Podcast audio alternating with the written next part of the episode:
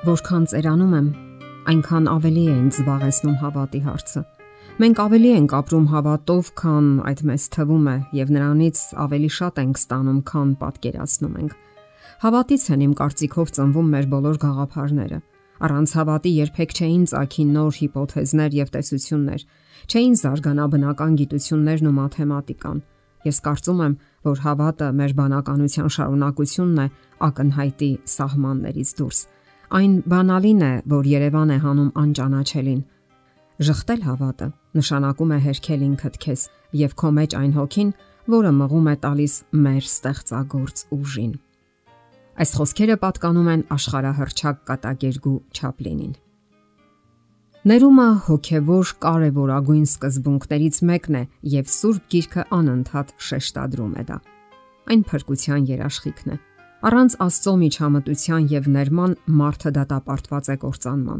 Այդ միջամտությունը դրսևորվեց Գողգոթայի խաչի վրա Հիսուսի զոհաբերության միջոցով։ Դարերի խորքում ծրագրավորված այդ զոհաբերությունը հնարավորություն տվեց մարդուն ել ավելի խորությամբ ճանաչելու Աստծո սերը մարդու հանդեպ։ Եվ այնուամենայնիվ մարդը շարունակում է մեղք գործել։ Նա չի կարողանում ազատագրվել իր մեծ ու փոքր մեղքերից, իսկ հաճախ էլ չի ցանկանում։ Աստվածաբանները տարբերություններ են տեսնում մեղքերի միջև։ Մարմնավոր մեղք գործողները ավելի շատ հույս ունեն, քան այսպես կոչված հոգու մեղք գործողները։ Աստված անհամեմատ ավելի շատ բան կարող է անել կորսված վատահամբավ մեղավորի, քան ամբարիշտ նախանձու կեղծավոր քրիստոնյայի համար։ Մոլորության մեկ այլ դասակարգում է կեղծ քրիստոնեությունը, որի դեպքում մարդը մեղավորության զգացում չունի եւ բնականաբար Աստծուն դիմելու եւ ներում խնդրելու կարիք էլ չի տեսնում։ Այս դեպքում արդեն Աստված անելիք չունի։ Աստվածաշնչյան հանրահայտ առակում անառակ ворթու վերադարձը լավագույնս ներկայացված է ներման էությունը։ Ավագ եղբայրը ինքնաարթարացման կատարյալ օրինակ է։ Նա չի կարողանում սեր դրսևորել, ապրելով իր կյանքի յուրաքանչյուր օրը պարտքի բեռան տակ։ Ավագ եղբայրը հնարավոր է շատ չերել հեռացել հայրական տնից։ Միշտ հոր կողքին էր բարեխղճորեն կատարում էր իր պարտքը, սակայն հոգով նա շատ էր հեռու սիրո եւ ողորմածության դրսևորումներից։ Նա կարծես հեռավոր երկրում էր ապրում, խուլ այլոց կարիքների հանդեպ եւ ապրում էր իր փոքրիկ եսի աշխարհում եւ երբ կրտսեր եղբայրը վերադարձավ եւ հայրը խնջույք կազմակերպեց, նա խիստ վիրավորվեց։ Նա չկարողացավ հասկանալ, թե ինչու հայրը այդքան ջերմորեն ընդունեց անառակ, մոլորված ու հերավոր երկրներում կորած իր կրտսեր զավակին։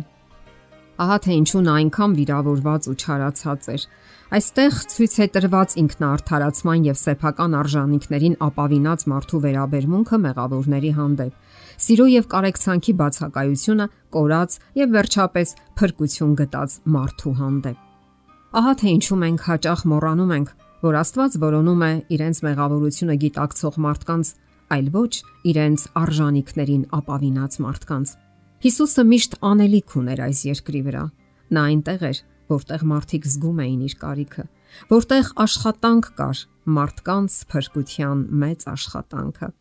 Նա ցանկանում էր իր հոր արխայության համար պատրաստել մեղավորներին, ցույց տալով փրկության ճանապարհը։ Նա ասում էր. Ես եկել եմ կանչելու ոչ թե արթարներին, այլ մեղավորներին ապաշխարության։ Սա նշանակում է, որ Հիսուսն այնտեղ է, որտեղ մարդիկ զգում են իր կարիքը, ներման եւ ապաշխարության կարիքը։ Նրանք, ովքեր իրենց արթար են համարում եւ անսխալական, ճունեն Հիսուսի կարիքը։ Նրանց սիրտն ու հոգին փակ է Աստվածային ներման հանդեպ եւ Աստված բնականաբար չի կարող աշխատել այդպիսի մարդկանց հետ եւ ի վերջո փրկել։ Հոգեբաններն այն կարծիքին են, որ սեփական անձի վրա կենտրոնացած կյանքը կործանարար է։ Անառակ ворթու առակում երկու ворթին էլ եսասեր էին։ Նրանցից յուրաքանչյուրը յուրով էր պարփակվել իր մեջ, հեռացել հորից եւ նրա սիրուց։ Կրծեր եղբայրը մեղքեր գործելով էր հեռացել, իսկ ավակը կեղծ բարեպաշտությամբ։ Այս առակի առումով հետաքրքիր մեկնաբանություն է ներկայացնում Աստվածաբանության պրոֆեսոր Մեյսոնը։ Նա գրում է. Երկու եղբայրների վերաբերմունքն էլ հաշվենկատ էր եւ առևտրական։ Կրծերը փորձում էր բարձրացնել իր վարկային հաշիվը, իսկ ավակը ցանկանում էր շատացնել իր հաշվեգումարը ապագայի առումով։ Սակայն Աստված ոչ թե բանկի կառավարիչ է, այլ սիրող հայր։ Ահա այս մեծ ճշմարտությունն է Աստծո բոլոր նախաձեռնությունների եւ սիրո գործողությունների հիմքում։ Այս ճշմարտությունն է ցանկանում հասկացնել նա մեզ, սահմանափակ եւ հաճախ նրա կամքը չհասկացող մարդկանցս։ Փորձենք հասկանալ այս առակի խորագույն իմաստը։ Կարելի է հեռանալ Աստծուց տարբեր ձևերով։ Կարող ենք հեռանալ վարելով անբարոյական կյանք, սխալ կենսաձև, սակայն հնարավոր է հեռանալ նաև բարի գործեր, կեղծ բարեպաշտական արարքներ գործելով։ Աստծուց կարելի է հեռացնել ոչ միայն արատը, այլև սեփական ինքնագոհությունը եւ ինքնասիրահարվածությունը։ Ներքին մեղքերն ու արատները ավելի վտանգավոր են, քանի որ մարդն այլևս չի զգում ներման ու ապաշխարության անհրաժեշտությունը։ Նա հայտնվում է ինքնաբավական վիճակում եւ իր ողջ կեցվածքով կարծես ասում է. Աստված, ես քո կարիքը բոլորովին չունեմ։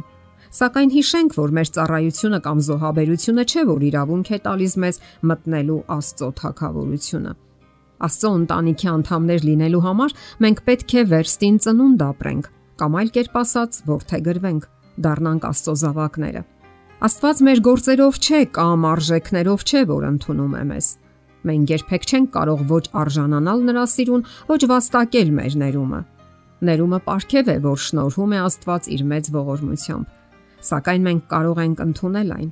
Այն ինչին մենք երբեք չենք կարող արժանանալ, կստանանք միայն շնորհքի միջոցով։ Որքան էլ հեռացած լինենք Աստծուց, դա նշանակություն չունի։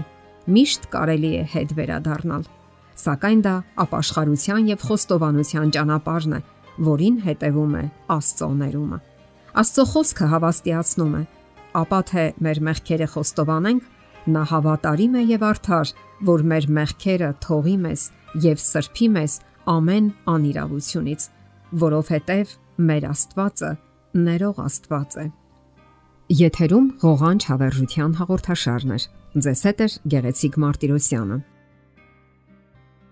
Հարցերի եւ առաջարկությունների համար զանգահարել 033 87 87 87 հեռախոսահամարով։